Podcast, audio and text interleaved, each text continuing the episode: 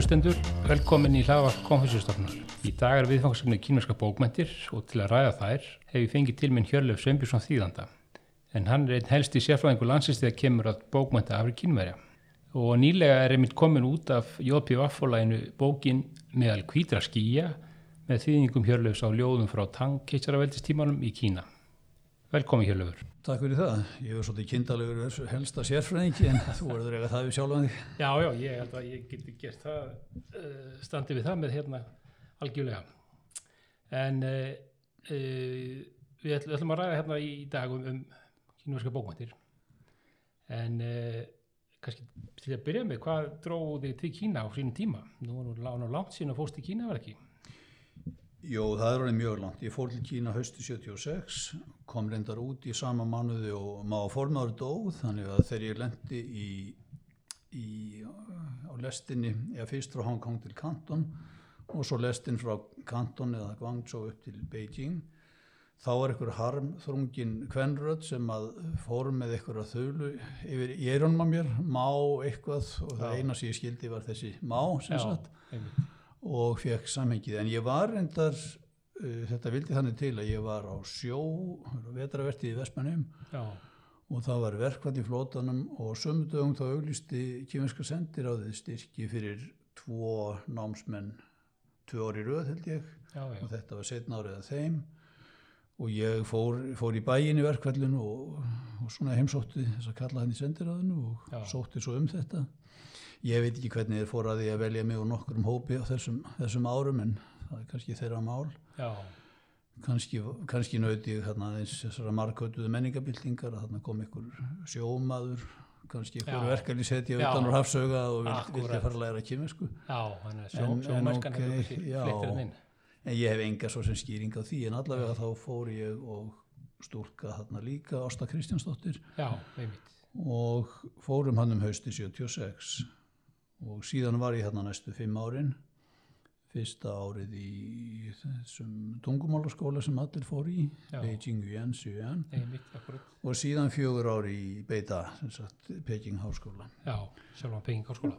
Já, og á þeim tíma þá uh, kannski er það enþá þá sko gáttu erlendir, erlendir námsmenn valið um eitthvað ópraktíst sko, þeir gáttu valið heimsbyggi, sögu og, og bókmentir Já og mér reist nú eða skást á bókmentir í þessum hópi já, já.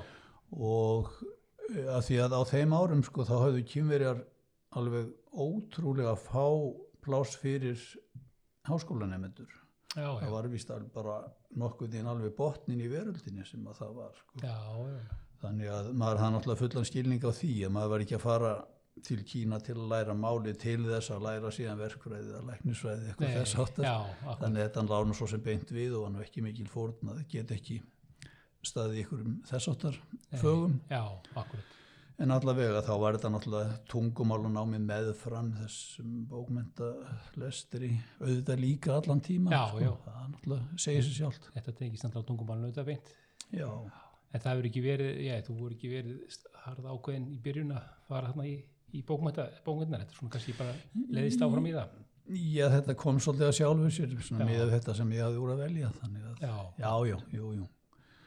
Og mér fannst það kannski líka kannski vænlegast að fæði til þess að reyna að verða sæmilegur í, í tungumálunu Já, akkur svona alltaf svona kannski keppi keppli hjá manni að reyna að ná því. Já, já, jú, jú, algjörlega En, eh, en svona í byrjun þá var það þegar ég má komið eða í leiðinni, mér fannst þetta svolítið svona lærdómsríkt að vera allt ín og lendur í skóla þarna strákur og þrítusaldri sem, sem montin vestur landað búið ykkur Já. og maður var allt í enu komin aftur úr öllum, maður kunni ekki neitt. Nei. maður mað gæti ekki maður gæti ekkert sagt á tungumál innfættra nei, og bara eins og eitthvað ómálka bad Já, mér finnst þetta mjög holdt þegar ég hugsaði um það.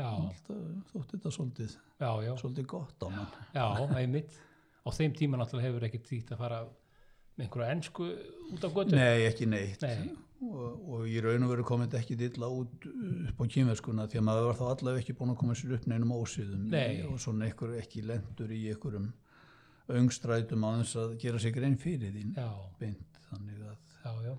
þetta var náttúrulega blóðsviti og tár mest allan tíman já, en svona lagast þegar fram í soti Já, maður er myndi að velta það átt fyrir sér sko kennararni hafa vantarlega ekki talað miklu ennsku heldur þannig að þetta er svona við vantarlega dálítið eh, erfitt vantarlega til að byrja með að komast inn í þetta Já, já, en ef maður er komin á heimsenda til að gera eitthvað Já. þá bara verður maður að virkja þrjóskun í sér og, og halda áfram með það. Já, já, sjálfsögðu og samfélag sem kemur hann inn í það er, lítur að hafa verið mjög áhugavert og töluvert eh, hérna frábröðið Íslandi og, eða Vestmannegjum eða hvað, hvað sem að hérna Jú, jú, það er það, það er mjög ólíkt, þetta er svona, ég segi nú ekki alveg næsti bæri við Norður Kóri í dag en það munar ekkert svo miklu í rauninni, sko, þetta var mjög lokað, mjög lokað samfélag og einu samskipti við útlönd á okkur um svona fjöldabæsins, það var frekar Suður Kína í gegnum Guangzhou og Hong Kong og, og síðan áfram út í heim en, en um, fyrir, fyrir Pekingbúum þá vorum við bara eins og einhverju marsbúar Já, sko.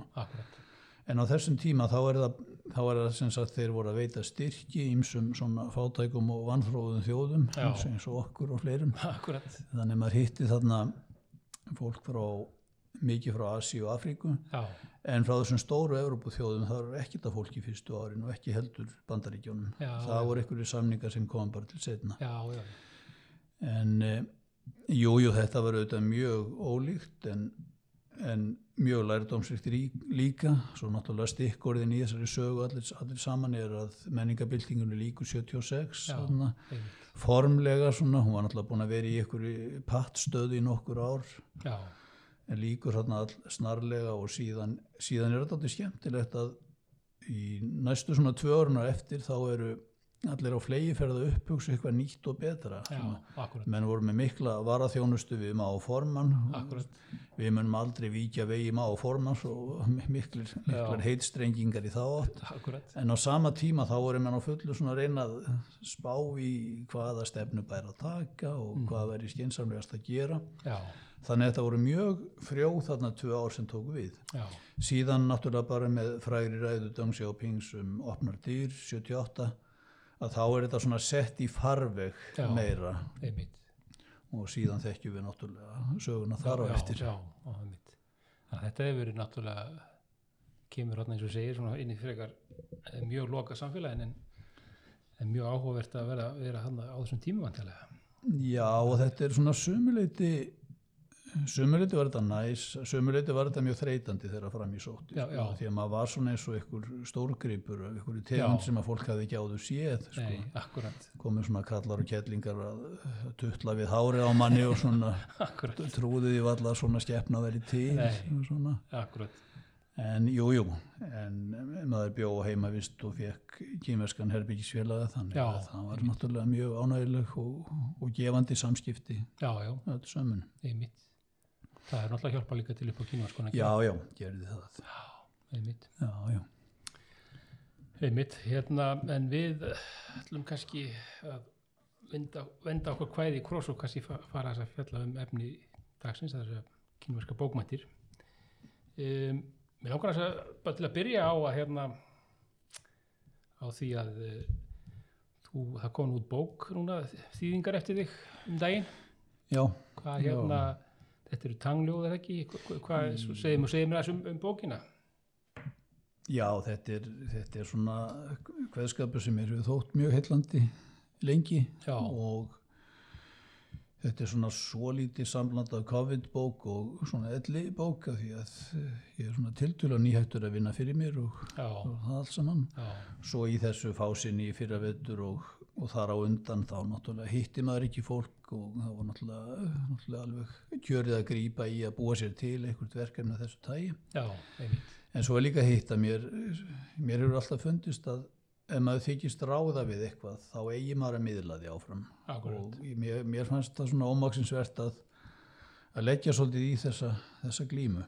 Já, Þetta er svona cirka þrjár aldir, svona 600-900 okkur tímabili sem er mér að ræða, svo maður rúnir nú aðeins af ártölinn einmitt. Og tang tíminn sem sagt, það er þessi tang keisarætt sem að þá er við völd í landinu. Já, og þetta er mjög uh, svona alþjóðlegt tímabil, mjög mikil samskipti við útlönd, umheiminn sægur af fólki sem að bjó í Changan eða Sian eins og, eins og hún er núna þekkt sem og kannski þekktust fyrir leirherrin í setni tíð. akkurat, Markvöld, þetta var eina af allra stærstu borgum í heimi og þarna voru fjöldin allur af, sagt, af hérna, verslunafyrirtækjum, fólks í nálagum og ekkert svo nálagum löndum.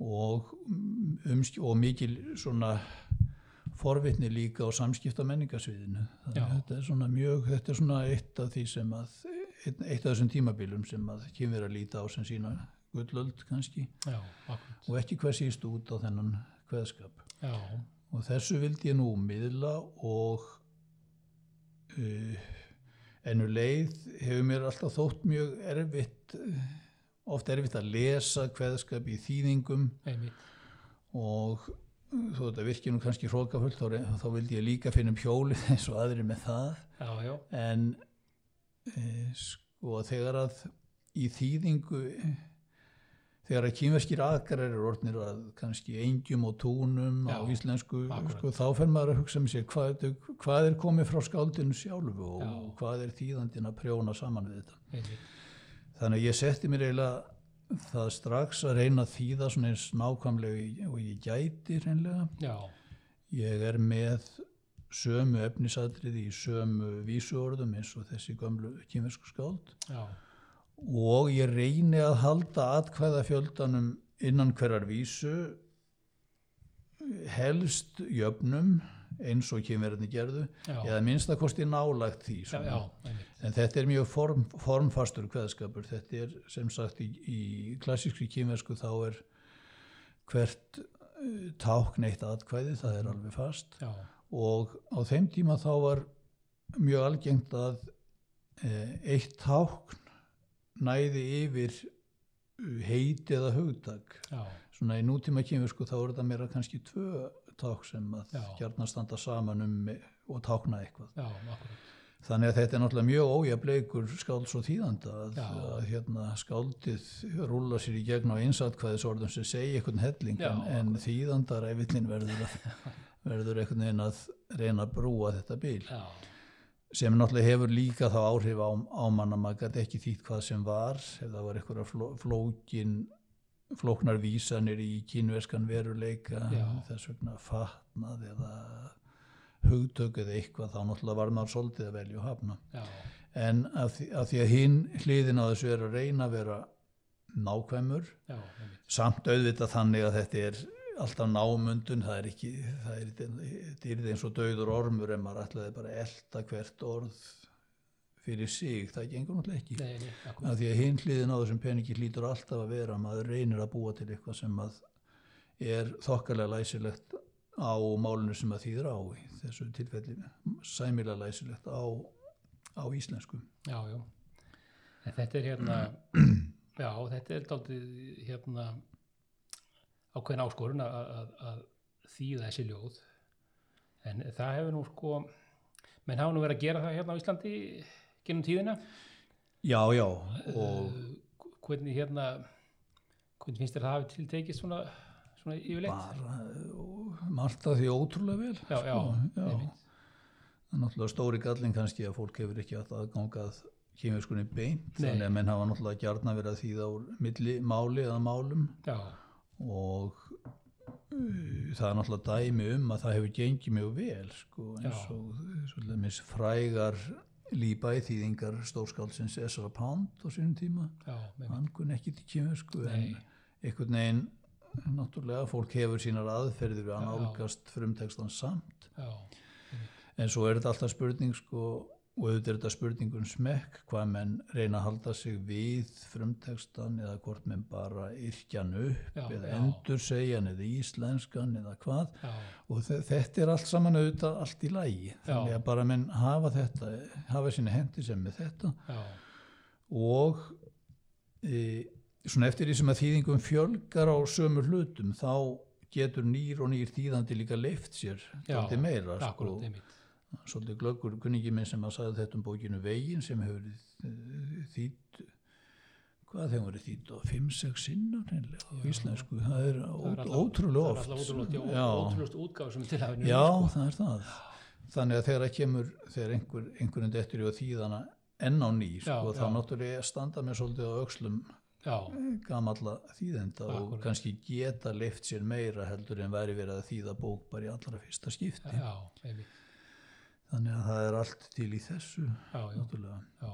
Þessi ljóð sem þú valdir hann í bókin er, er, er hérna, einhverju þeirra hafa nú verið þýtt áður en svo ertu náttúrulega með alveg eh, ljóð sem hafa aldrei komið áður fram í íslensku eða hvað. Já, já, það er eiginlega hvort vekja það er Helgi Halldónarsson hann sem er náttúrulega eða var höfu snillingur á þessu þýðinga á íslensku sviði hann þýtti rómaðar bækur það sem hann er hétt held ég kínvesk ljóður frá, kínvesk ljóð frá liðnum öldum og svo japansk ljóð frá liðnum öldum. Já, og þessu var steift saman í austurlensk ljóð bók sem að kom út eftir hann þar sem þetta var saman. Já, þarna þýðir hann einhver hérna einhver, er, einhver ljóð eða vísur, þetta er yfirleitt stutt þannig að það minnst Já. að megin og kalla þetta vísur já, líka já, akkurat, einmitt, sumt að þessu minnst að kosti sumt, Já. já. já sumt að þessu hafði hann þýtt áður og já, út af fyrir sig þá er kannski fróðlegt fyrir fyrir fólk eða vill að uh, svona kíkja í hverið mitt og Já. fletta upp því sem að Helgi hafði áður þýtt þannig ég get um það í sömum tilfellum með Já. svona smá svona bakgrunnsupplýsingu sem fylgja hverju vísu. Já, og eh, ég er nákvæmur um helgi, en Helgi en hann er náttúrulega miklu flottari heldur en heldur ég að því að þetta náttúrulega mín nálgun býður ekki upp á Nei. henni svona sérstök flottið þannig já, þú vilt, ert svona eh, nær upprunna textan vantilega. Já, en, þó, en þó þannig að ég kláraði þetta aldrei öðruvísi en ég verið þokkalánaður með Nei. íslenskunaður Já, já. og ég svona að mér finnist þetta að veri læsilegt líka á íslensku Já, akkurat, því að maður verður náttúrulega miða við það Já, ekki síst jú, jú, það er alltaf fólk verður að hafa ánægið að því að lesa. Já, það er, það er betra Já, já, akkurat. En svo ertu með þarna höfundar sem að kannski hafa aldrei komið fyrir sjónu Íslandinga. Já, já, líka innanum sko. Og þannig eru þannig er náttúrulega frægir og ófrægir Já. höfundar svo sem Akkurat.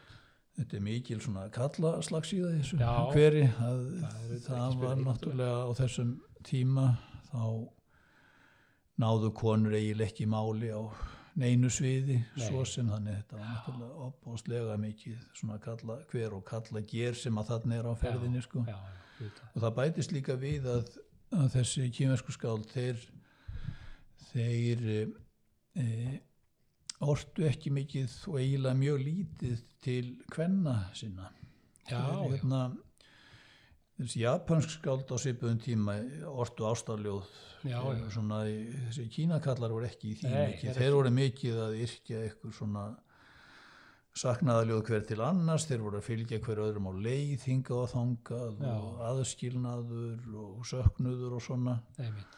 og svona hluti af því hvað þessi ljóð eru er, geta ratað til okkar enn þann dag í dag það er að þetta eru sko þetta er svona frekar hverstagsleg viðfangsefni sem þarna er á ferðinni þetta er svona hitt og þetta bjástur í daglega lífinu Einmitt. og svona tilfinningar sem að fólk getur samsama sig við sem sagt.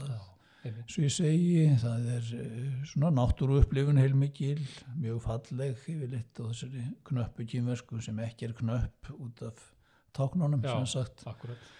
og síðan samskipti fólk svona hittast og kynnast og aðskilnaður og, og tilhlökkun til endurfunda og, og þetta svona mjög margt í þessa átt. Já, og það er kannski leiðinni þess vegna sem ég vel líka frekar þessi stem, stuttu stemningsljóð vegna þess að oft er þessi stuttu ljóði eða vísur þær ná yfir svona ákveðna stemningar sem að ég reyni þá að koma til skila en svo eru líka auðvitað miklu lengri ljóð sem að eru þá meiri frásagnir og ekki og kannski brótir að meira út í merkinguna en, en meira gefið í skín í þessum stuttu vísum.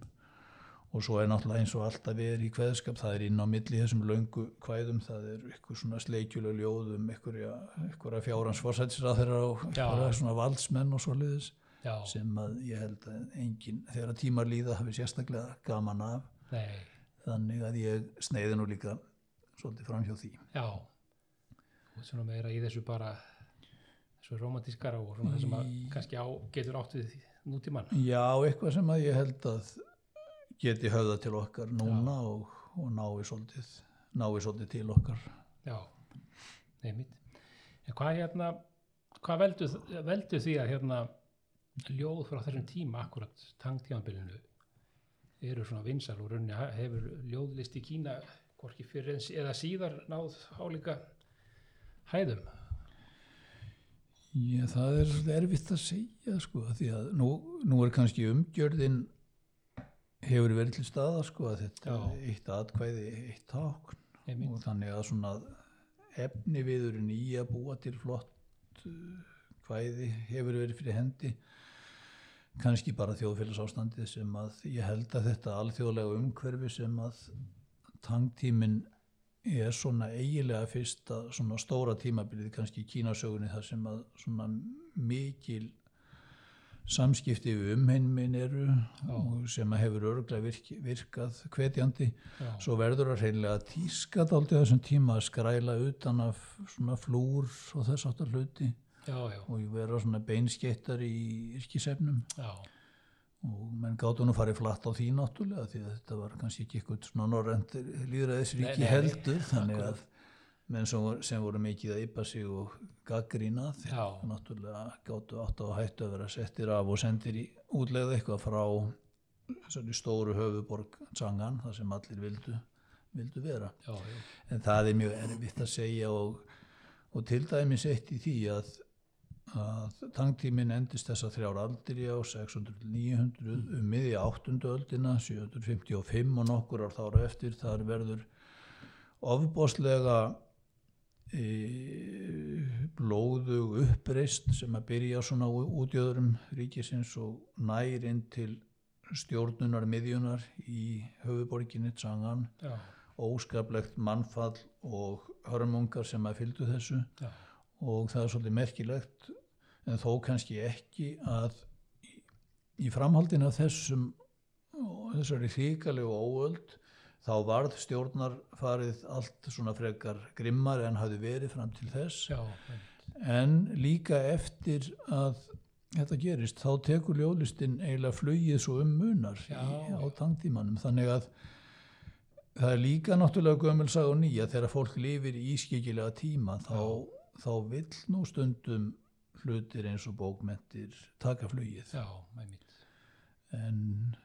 en, hvað, en hvað er nákvæmlega sem veldur þessu það er náttúrulega ekki gott Nei. að segja og það hefur náttúrulega margt verið flott orð síðan líka. Jú, jú, kemur við þessi sungtímabil sem að á sér mjög ríkan ljóðaarf já, líka. Akkurat.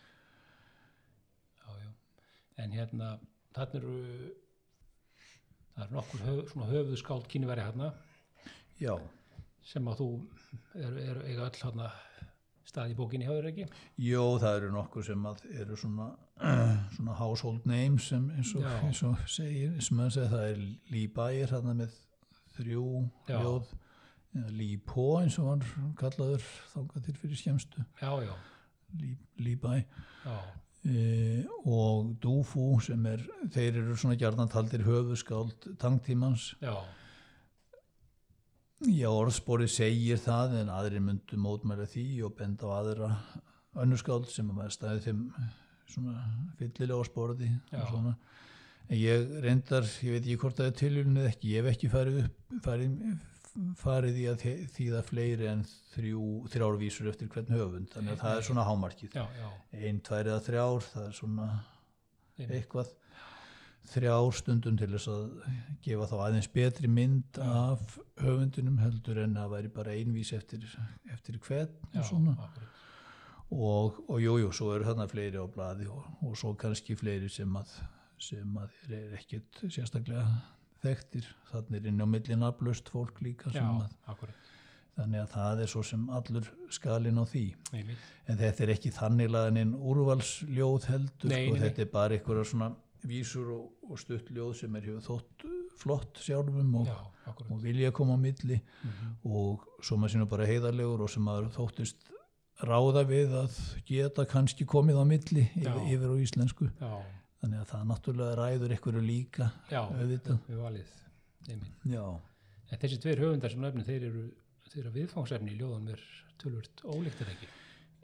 jú, það er jú, jú, líbæ það er, það er svona skáld lífsnötnarinnar og, og svona það er, það er vindrykja og félagskapur skáldbræðra Já. og, og reyndar kemur hann aftur aftur að þessum óbr, óbrótgjarna arfi sem að gott ljóðskáld býr til sagt.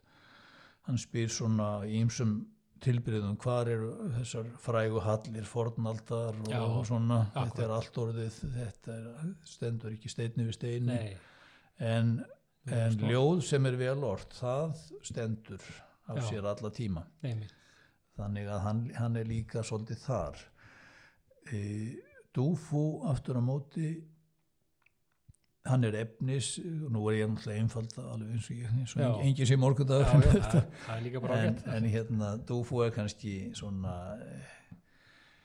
svona kannski alvöru gefnari flott, flott ljóðskáld samt og hann, hann er svona tilfinningaríkari kannski miða við tímana sem taka við og kannski að þýleitinu til höfðar hann mjög fallega til okkar tíma líka. Já, hann yrkir þarna um til dæmis það eitt af þessum þremur ljóðum hans í þessu hveri mínu er sem sagt svolítið saknaðaljóð til konu hans og barna ungra sem að hann var viðskila við í þessari skjelvilegu uppreist hann um miðbygg tangtímans sem, ég nefndi þarna áðan. Einmitt.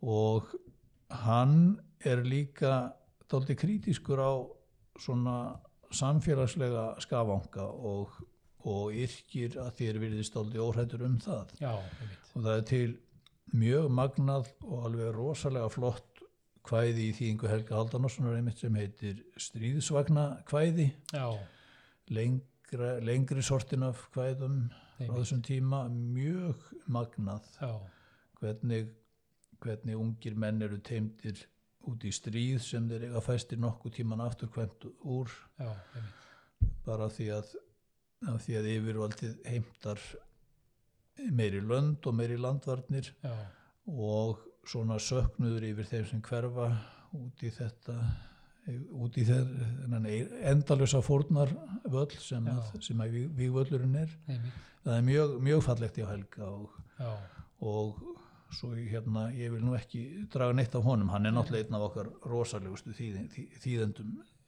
helgi og já, já, gerir margt mjög fallegt. Einmitt. en talandi ef ég má aðeins lengi þessu að mér finnst samt japansku ljóðin hans ennþá betri heldur en kínversku ljóðin. Já, því að það er ekki eins bundin af forminu Nei. sko það eru það er vissulega binding í því sem hann hefur, það eru þessar hækur og töngur, það sem er ákveðin að, atkvæða fjöldi í hverju línu það er Já. alveg fast já, og Helgi leysir það alveg aðdánlega mhm. en það er alveg sama held ég hvað menn eru rosalega flinkir með málið og hugkvæmir og allt að svona að reyna að, að vera alltaf með endarím og stöðla og höfustafi þar sem að viðfangsefnið er dálítið úr allt öðrum menningarheimi. Einmitt. að það, það setur eiginlega óbærilega óbærilega byrði á herðar þýðandi að gera það. Já, þannig að sko ég, mér finnst að japansku ljóð frá liðnum öldum Helga Halldónarsson sé með allra allra, allra flottustu ljóðabókur sem til er á íslensku. Já, já, háamál og völusbá meðtalin og allt saman. Já, já, þetta er já. alveg dúmdur fallegt hjá kallin og, og kýminsku ljóðin vissulega líka en, en, en þó finnst mér þessir japansku vísur af þessum ástæðum Já, bera af. Já, einmitt. Já, það er náttúrulega ekki hlaupið að því að koma öllu gegn, gegnum þessi ólíku tungumál, sko. En hérna, þetta var, já, þetta var, var vandi ljó, ljóðakverið og tangljóðin sem man alltaf kannski hafa átt hugði núna undarfarið. En uh, fyrir um, hvað, 15 árum síðan eða svo, þá, þá kom út, út þýðingar eftir þig settar saman í, í bók sem að heitir Abakongur á Svilkivegin, er það ekki rétt? Já, jú, já, er hann svona langu tími síðan Já, það, ég, minna að það verið hann einhverjum rétt fyrir hrun. Já, jú, Allavega- það var í- um hrunið sem að það var, já Getur já. það ekki verið? Jú, jú, og það var nú hérna það er hérna mikil merkis bók og hérna hefur verið tölvört verkað hérna að vinna hana gerir á fyrir?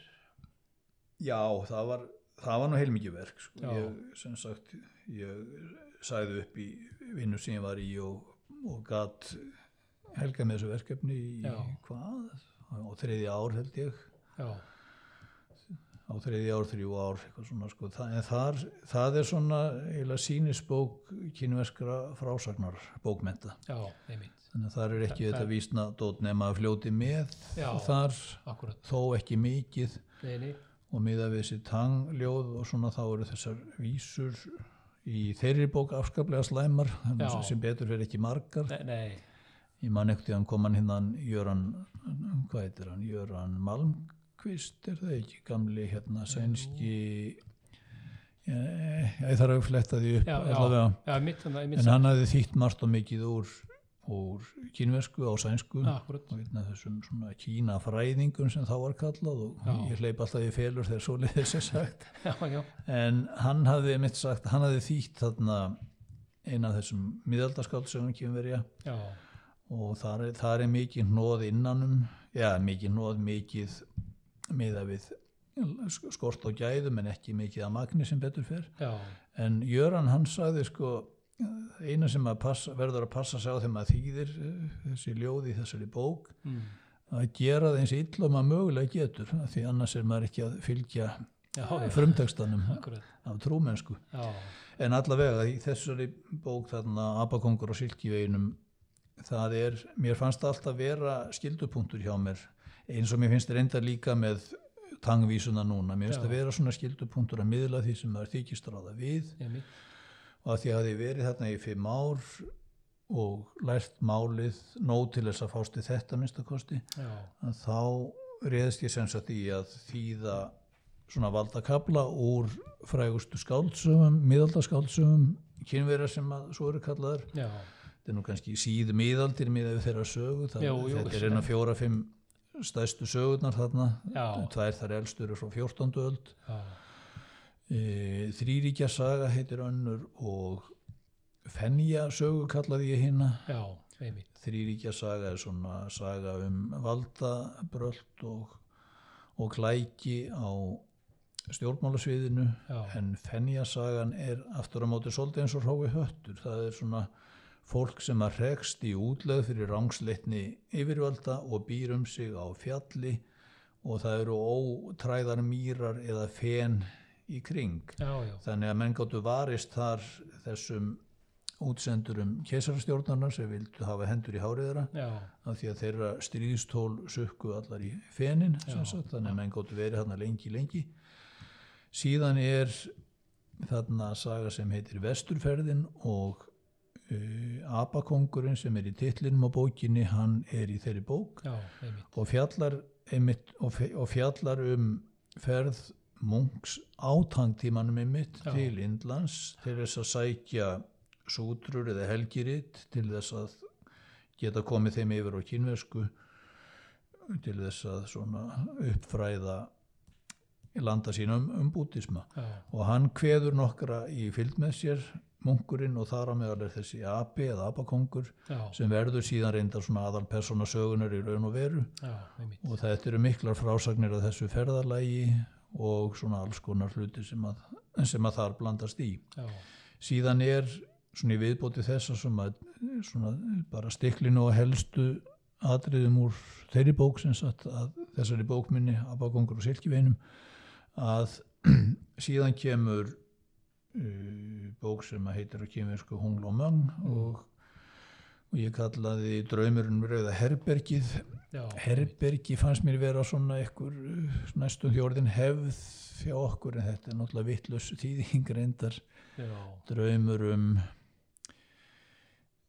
rauð stórhísi svona, þetta er svona vísan í það að á þessum tíma hún er skrifuð á átjóndöldinni þessi bók að, að þá eru hús svona alþýðu fólks ómáluð en þessi rauði lítur á húsum það voru bara keisarættin og helstu stórhöðingja sem gáttu leift sér já, svoleiðis flott heit sem sagt. Þannig að þaðan er titillin komin já, e, þannig að þetta er saga svona um vöxt og viðgang og, og síðan aftur fyrir að fall stórfjölskyldu í í Beijing, Nanjing. Það sagan er svolítið á flakki þar á milli og ekki alltaf gott að vita hvað er hvað. Nei, en, um en í leiðinni er þetta svona saga eða svona táksaga á bútískum nótum um að þetta líf sé bara eitthvað skonar hégómi og skinnvilla. Og í raun og veru sé öll þessi svona fínu hlutir og fallegu hús þetta sé bara eitthvað sem sé reist á sandi. Já, og sagan svona í, já, hún er svona sveiflast svolítið þar á milli. Já, já, en þessar, þessar skáldsögur þessar svo kalluðu miðaldaskáldsögur þeirra sem ég hef hérna aðeins tæft á núna einmitt, þetta var eiginlega þetta var svona vinsælarsögur og eiga svona uppruna í tehúsahefð og slíku. Já, þar sem að sögumenn komu og þöldu sögu að hluta og síðan sögðu þeir náttúrulega ef þú vilt vita meira verður að koma aftur á morgun. Já, og þá eruðu menn að kaupa sér tebóla í viðbót náttúrulega. Já, já, en e, þetta gengur aftur í þessum sögum. Þetta er svona, þetta er svona á kaplaskilum er gjarnan þetta og þetta má heita reglarendar að það er alltaf sagt jæja kæri lesandi nú er þessi kapla enda. Já, ef þú vilt lesa meira verður að lesa næsta kapla já, já, sem er svo sem óskum fáfengilegt að því að náttúrulega gera með það þeir vilja. Og, svona, og í svona flottir í skáldsögu eins og Hong Lomang þarna þeirri síðustu sem er Já. svona algjörar heimsbókmyndir þá náttúrulega er þetta orðin svona svolítið svona eh, hjákátleg viðbót sem hangir utan á sögunni sko. Það sem einu sinni átti að vera spennuvaldur í frásögninni er orðin hálkir svona spennitreyja Já. í, í sögunni já, þó að það kannski skipti ekki mjög miklu máli Nei, nei. þannig lagað já, En þetta voru aftur þar sem að tangyrkingarnar voru svona, svona eh, fínt eitthvað og já, fínar bókmentir, þá voru Já. þessar miðaldaskáldsögur, það voru aftur ófínu bókmentirnar. já, það já, tók heilmikinn tíma að fyrir þær að vinna sér eitthvað sess og mönnum fannst þetta heldur ómerkilegt og, og skrílslegt lengi. Já, já, þannig að það tók heilmikinn tíma fyrir það að, að vinna sér sín sess. Já, en allavega svona í þessari bóki og þessari, þessum abakongi þá var þetta viðletni hjá mér að, að kynna kabla úr þessum fyrst og fremst þessum miðalda skáldsögum en þetta tegði svona líka fram á 20. öldina líka reyndar. Já, þannig þetta er svona fram að okkar öld sem að sem að þessir bútar sem ég vel eru.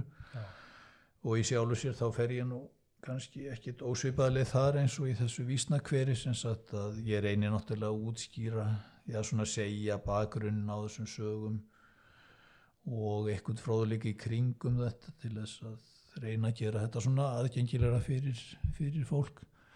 En því að þó að þessi kablar og þá þessar vísur því er að skipta þetta ánáttúrulega helst að geta staðið fyrir sínu en, og gera það vonandi einhverju leiti en samt með því að með því að svona segja frá í kringum þetta eitthvað þá vil ég meina svona það sé svona kannski auðveldar að skilja skilja bakgrunn svolítið, átta sig á þessu já, er það ekki alveg nöðsynlegt til, til þess að fólk svona átti sig, myndi segir, bæða bakgrinnum og svona hvað, Já, hvað það snýst, að- snýst allt saman kannski. sérstaklega fyrir lélega þýðendur þá er það mjög gott sko.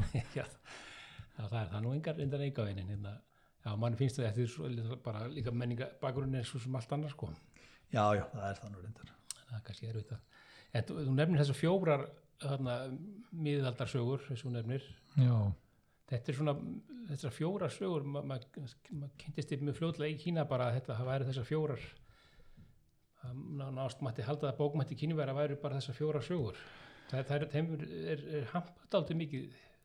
Já, já, þeim er hampað heilmikið og en það eru nú fleiri svona frægar svona en, en, kynverður eru stoltið svona passa samir menn og þeim vilja svona fella gjarnan allt í eitthvað svona þægilegt svona fjórar, stóru, Já. frægu, það er fínt já, svona. já, akkurat. Svo er hann eini viðbótrendar í hverjunu hjá mér sem heitir, minni mig, ég held ég að við kalla hana hinn að læriðu stjett Já, og er svona mikið svona háð og spið um heimska og fordómafulla konfúsíanska mentamenn á þeim tíma svona, einmitt. sem er ágætislesning líka Já, Jinping Mei hétt einn og heitir sem að, sem að gjarnan hafði það ríkti að vera eitthvað skonar klámrit sem að hún ennur reyndar ekki. Nei, nema ekki, menn séu því pempjulegri já, kannski. já, akkurat, þannig að það er ímislegt til í þessu. Já, já, já. En hérna hvað, hérna, já, þetta er kannski þá bara einhver, einhver stöðlun sem er átt í stað, þess að gera það verkum að þessar, þessar fjórar sögur hérna eru svona, þeim er hampað svona meira heldur en kannski. já, já, það er kannski engin sérstök ástæða til þess þannig að síðan eiga kýmverja sér ansi hérna blómlega svona smásagnahefð já, sem er svona dálítið nálægt þessum sögum já, sko. einmitt, svipaðar frásagnir, það eru mikil svona smásagnasöfn sem að hafa komið út á ymsum tímum. Já, e, ekki alveg gott að segja hvað það nær langt aftur en kannski aftur í gráa forneskju svona frásagnir. Já, en tang tímabilið aftur og enn mm, er daldið merkilegt líka í þessum frásagnabókmentum að því að það svona þróast þetta heilmikið og kemst svona á stað ímislegt já, sem að ræðst kannski aðlega því að það er vaksandi svona hópur fólk sem býr í borgum, býr í þéttbíli, hefur kannski eitthvað ekstra tíma umframbröðustritið þannig að þetta verður svona dagradvöl að lesa fólki, flytja fólki sögur og fá Já. það síðan til að lesa þær. Einmitt. Þannig að það, það getur nú verið eitt. Já, en meðan voru sko að þú að kínverðin hafi nú fundið upp prent, prentið að þá voru nú menn að skrifa bara bambus og svona alveg langt aftur í grári fórneski. já, já, Það það hefur gert það held ég hansi mikið, já, hefur gert það. Þannig að við erum með kannski bókmyndir bara þessuna, eða, eða já, hlut, verk sem má telast til bókmynda alveg hengst og langt aftur í tíman. já, já, svo er það líka. Það er, það er alveg til Já. En svona kannski eftir, já, tangtíðanbylnu þá hefur þetta komist að flug kannski meira. já, ég held að megi segja það dálítið Já. það, svona, og, margt sem byrja með því já, já, og, og heldur áfram já, svo náttúrulega sko kínasögun ég held að kannski fólk á mínum aldri gamli kallar og kettlingar, maður er alveg uppið að Já, Kína sér lokað samfélag, hafi lengst að verið lokað samfélag og staðnað og menn hafi ekki vilja vita neitt af umheiminum og þóst vera sjálfur sér nógir um alla hluti, já, alls konar sögur um er svona útlendinga, jafnvel sendimenn, stórþjóða sem komu, færðu um einhverjar tæknin í ungar og mönnum fannst þetta bara eins og einhver barnaleikfeng og vildu ekkit að þessu vita og síndu þessu fólki engan sóma sem að vildi komast í tengst við það. nei, já, En það er allir merkilegt sko að þegar að Kína hefur vegnað hvað best held ég þá er það á, á þessum tímum þegar þetta er opið og svona alþjóðlegt samfélag. já, Svolítið á hann tímanum sem að já, hann þjóðin sem byggir Kína að 95% er kent við sem Já. er svona 200 árum fyrir Krist og þangar til 200 árum eftir Krist. einmitt, Það er mjög öflugt tímabil. Tangtímabil er það líka, það er svona opið. já, einmitt, síðan með keisarættunum sem síðar komum Ming-ættin og síðan Qing-keisarættin sem var mjög að það er mjög fámennur þjóðflokkur sem að nær völdunum í Kína já, og rík heldur í þau og reynir að reyfa sig eins lítið og er mögulega að geta til að vera ekki bara henda baki þessum hérna, stóra kínverska drega já, þannig að svona já, náttúrulega ekki nokkulega að segja almennlega frá þessu svona stuttu spjalli en, en sko ef, ef til dæmis yðnbyltingin í Evrópu hefði hitt á Kína á tangtímanum þar sem að menn voru spurulir og forvitnir og Já. hefðu, þá hefðu menn þá hefði Kína náttúrulega gripið þetta fegins hendi og og miða við allar þjóðfélags aðstæður mjög sennilega bruna langt fram úr Evrópu á þeim tíma Já, sko, í staðin fyrir þá bara sitja menn eftir eins og Já. okkur. já, og hérna já, eiginlega þannig að já, já, og þetta hafði náttúrulega áhrif á, þetta líka bara, já, bókmyndir og sköpun svona, já, já, það gerir það Já. gerir það mikið já, en svo, hérna, talandi um abakonginni mitt á, á þá bóka, þá mitt endar þarna síðustu þýðingarnir eru um frá svona kannski byrjun 20. aldar, það er nú svona líka tölur mikið gerjun þá Já, það er það. í, í kínusku bókmyndum er ekki. Jú, það er það og eftir að sérstaklega eftir að keisratæmi líður undir lok sem er hvað 1911 ef maður rétt Einmitt. að, og sem er náttúrulega mjög trauma, traumatískur atbyrður vegna þess að þá, þá líkur þarna árþúsunda fyrirkomulagi. Já, já, og þá tekur við svona skamlíft uh, lífveldis tímabil sem að fljótlega fer nú út í svona borgarastyrjöld Já, milli Gómindang og kommunistarlóksins einmitt. En á þessum tíma þá áttu menn líka mjög flotta höfunda Já, Lúsun er einn af þessum akkurat. og ég hef hann með í, í þessum abakongi af því að þetta var frásagnarbók með því frá fyrriöldum og ég næði því að kalla 20. stöldina eina af bara- þess að ég var að bauka við þetta á, á öldinni þar á eftir Akkurat. og síðan annar höfundur Láse sem að sem að samdi meðal annars meðal margs annars sögur sem kalla svolítið á við Bjart í sumarhúsum Já, sem er um sem er um kall sem á riksjó eða kerru og dregur fólk, þetta er svona fyrir ennari leigubíla. Já, og hann vill verða hann er svona trúir á einstaklingin og vill verða ríkur bara sjálfur og Já. ekki hlustar ekki eitthvað væl og, og að hjálpa einhverju meðbræðurum og svo náttúrulega eins og uppleikið er greinlega þá fór ekki þá fór það náttúrulega allt í vaskin já, þannig að þetta eru líka alveg flotta sögur. Já, síðan náttúrulega má segja að hvenar er sem má formaður heldur sína ræðu um bókmyndir og listir í, í enan það er sem sagt á þessum tíma meðan að 42 kannski eitthvað akkúrat. ég man það ekki alveg. Einmitt. Að þá verður til mjög rík krafa á kynverska höfunda að makka rétt og skrifa í, samræmi við flokkslínu Já. og, og það er nú svona frekar báborinn árangur sem að það leiti til Já, svona næstu áratugir þar á eftir svo þekki ég nú bara hreinlega ekki nóg vel svona allra nýjustu tíma þannig Nei. að það kann nú vel að vera að þetta hafi tekið eitthvað við sér aftur Já, en, en bæði þessi krafa uh, svona allræði sigurvöld eins og komunastflokkurinn var á höfunda að, að makka rétt og skrifa eftir flokkslínu eitt og sér er það dálítið svona högg fyrir skapandi bókmentir myndi ég halda. Einmitt.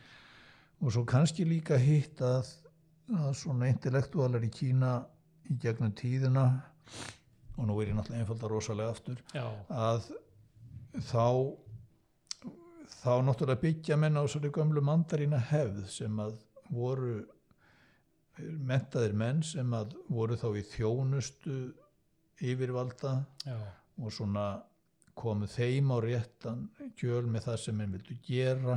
Já, en aftur en voru þægir á öðru leiti menn voru ekki að yppa sig mikið. Nei, nei, en það sem maður hefur aftur kannski ef maður segja rústnesku intelligensjun og líka það sem að menn bara gerðu það sem að þeim síndist og gáðu dauðan og djöfulni í allt. Já, þannig að kannski það, þessum, þessi tími býður ekki upp á einhverja Dostojevski höfunda eins og, Nei, eins og hjá rúsunum já, akkurat. En ok, þetta er náttúrulega eins og ég segi, þetta er nú óhæfilegar alhafingar um þessa hluti. Já, já, og vonandi tekur þetta flugið aftur og, og er kannski komið á stað með það. Já, kann vel að vera. Já, já, hefur, hefur eitthvað lesið til mis Mójen hérna, Nóbelsvöluna hafa ekki? já aðeins, aðeins gert er allt í góðu lagi. Já, já, þannig að hann er svona hérna á að vera við þannig kannski í honum líka svona, já, já, já þrátt fyrir að sé auðvitað jákvæðni spenni treyfi. já, já, en menn vinna þá bara úr því Já, líka já, það akkurat. er svo, og það er enda svolítið svo, svolítið spennandi að því að menn svona það yttar menn til að hreyfa sig Já, innan, innan kannski eitthvað rými sem er ekki voðað mikið Nei, en þá verður maður líka að vera rosalega útsjónarsamir og, og hugmyndaríkir Já. til að, til að geta eitthvað spriklað Já, og það hefur alveg gefið af sér flotta hluti. Já, til dæmis þó rannir átt sé þessi endalsu brandarar frá austurblokkinni sem sagt á valdatíma þessari aðræði stjórna sem sagt að þá náttúrulega voru meina semja alls konar brandara um valdhafa og hvernig þeir höguðu sér og hvernig, hvernig allt stóð af sér sem sagt. Já, án þess að það mætti vera mjög augljóst. Já, já, þannig að þetta er svona já, allt, allt til í þessu. Já, þetta er svona fín lína Mjög fín lína. mjög fín lína. Eða mitt ljómandi hjölu ég held að hérna ég tími sínum bara búin því miður. Það hefur verið gaman að spjalla við meira en hérna.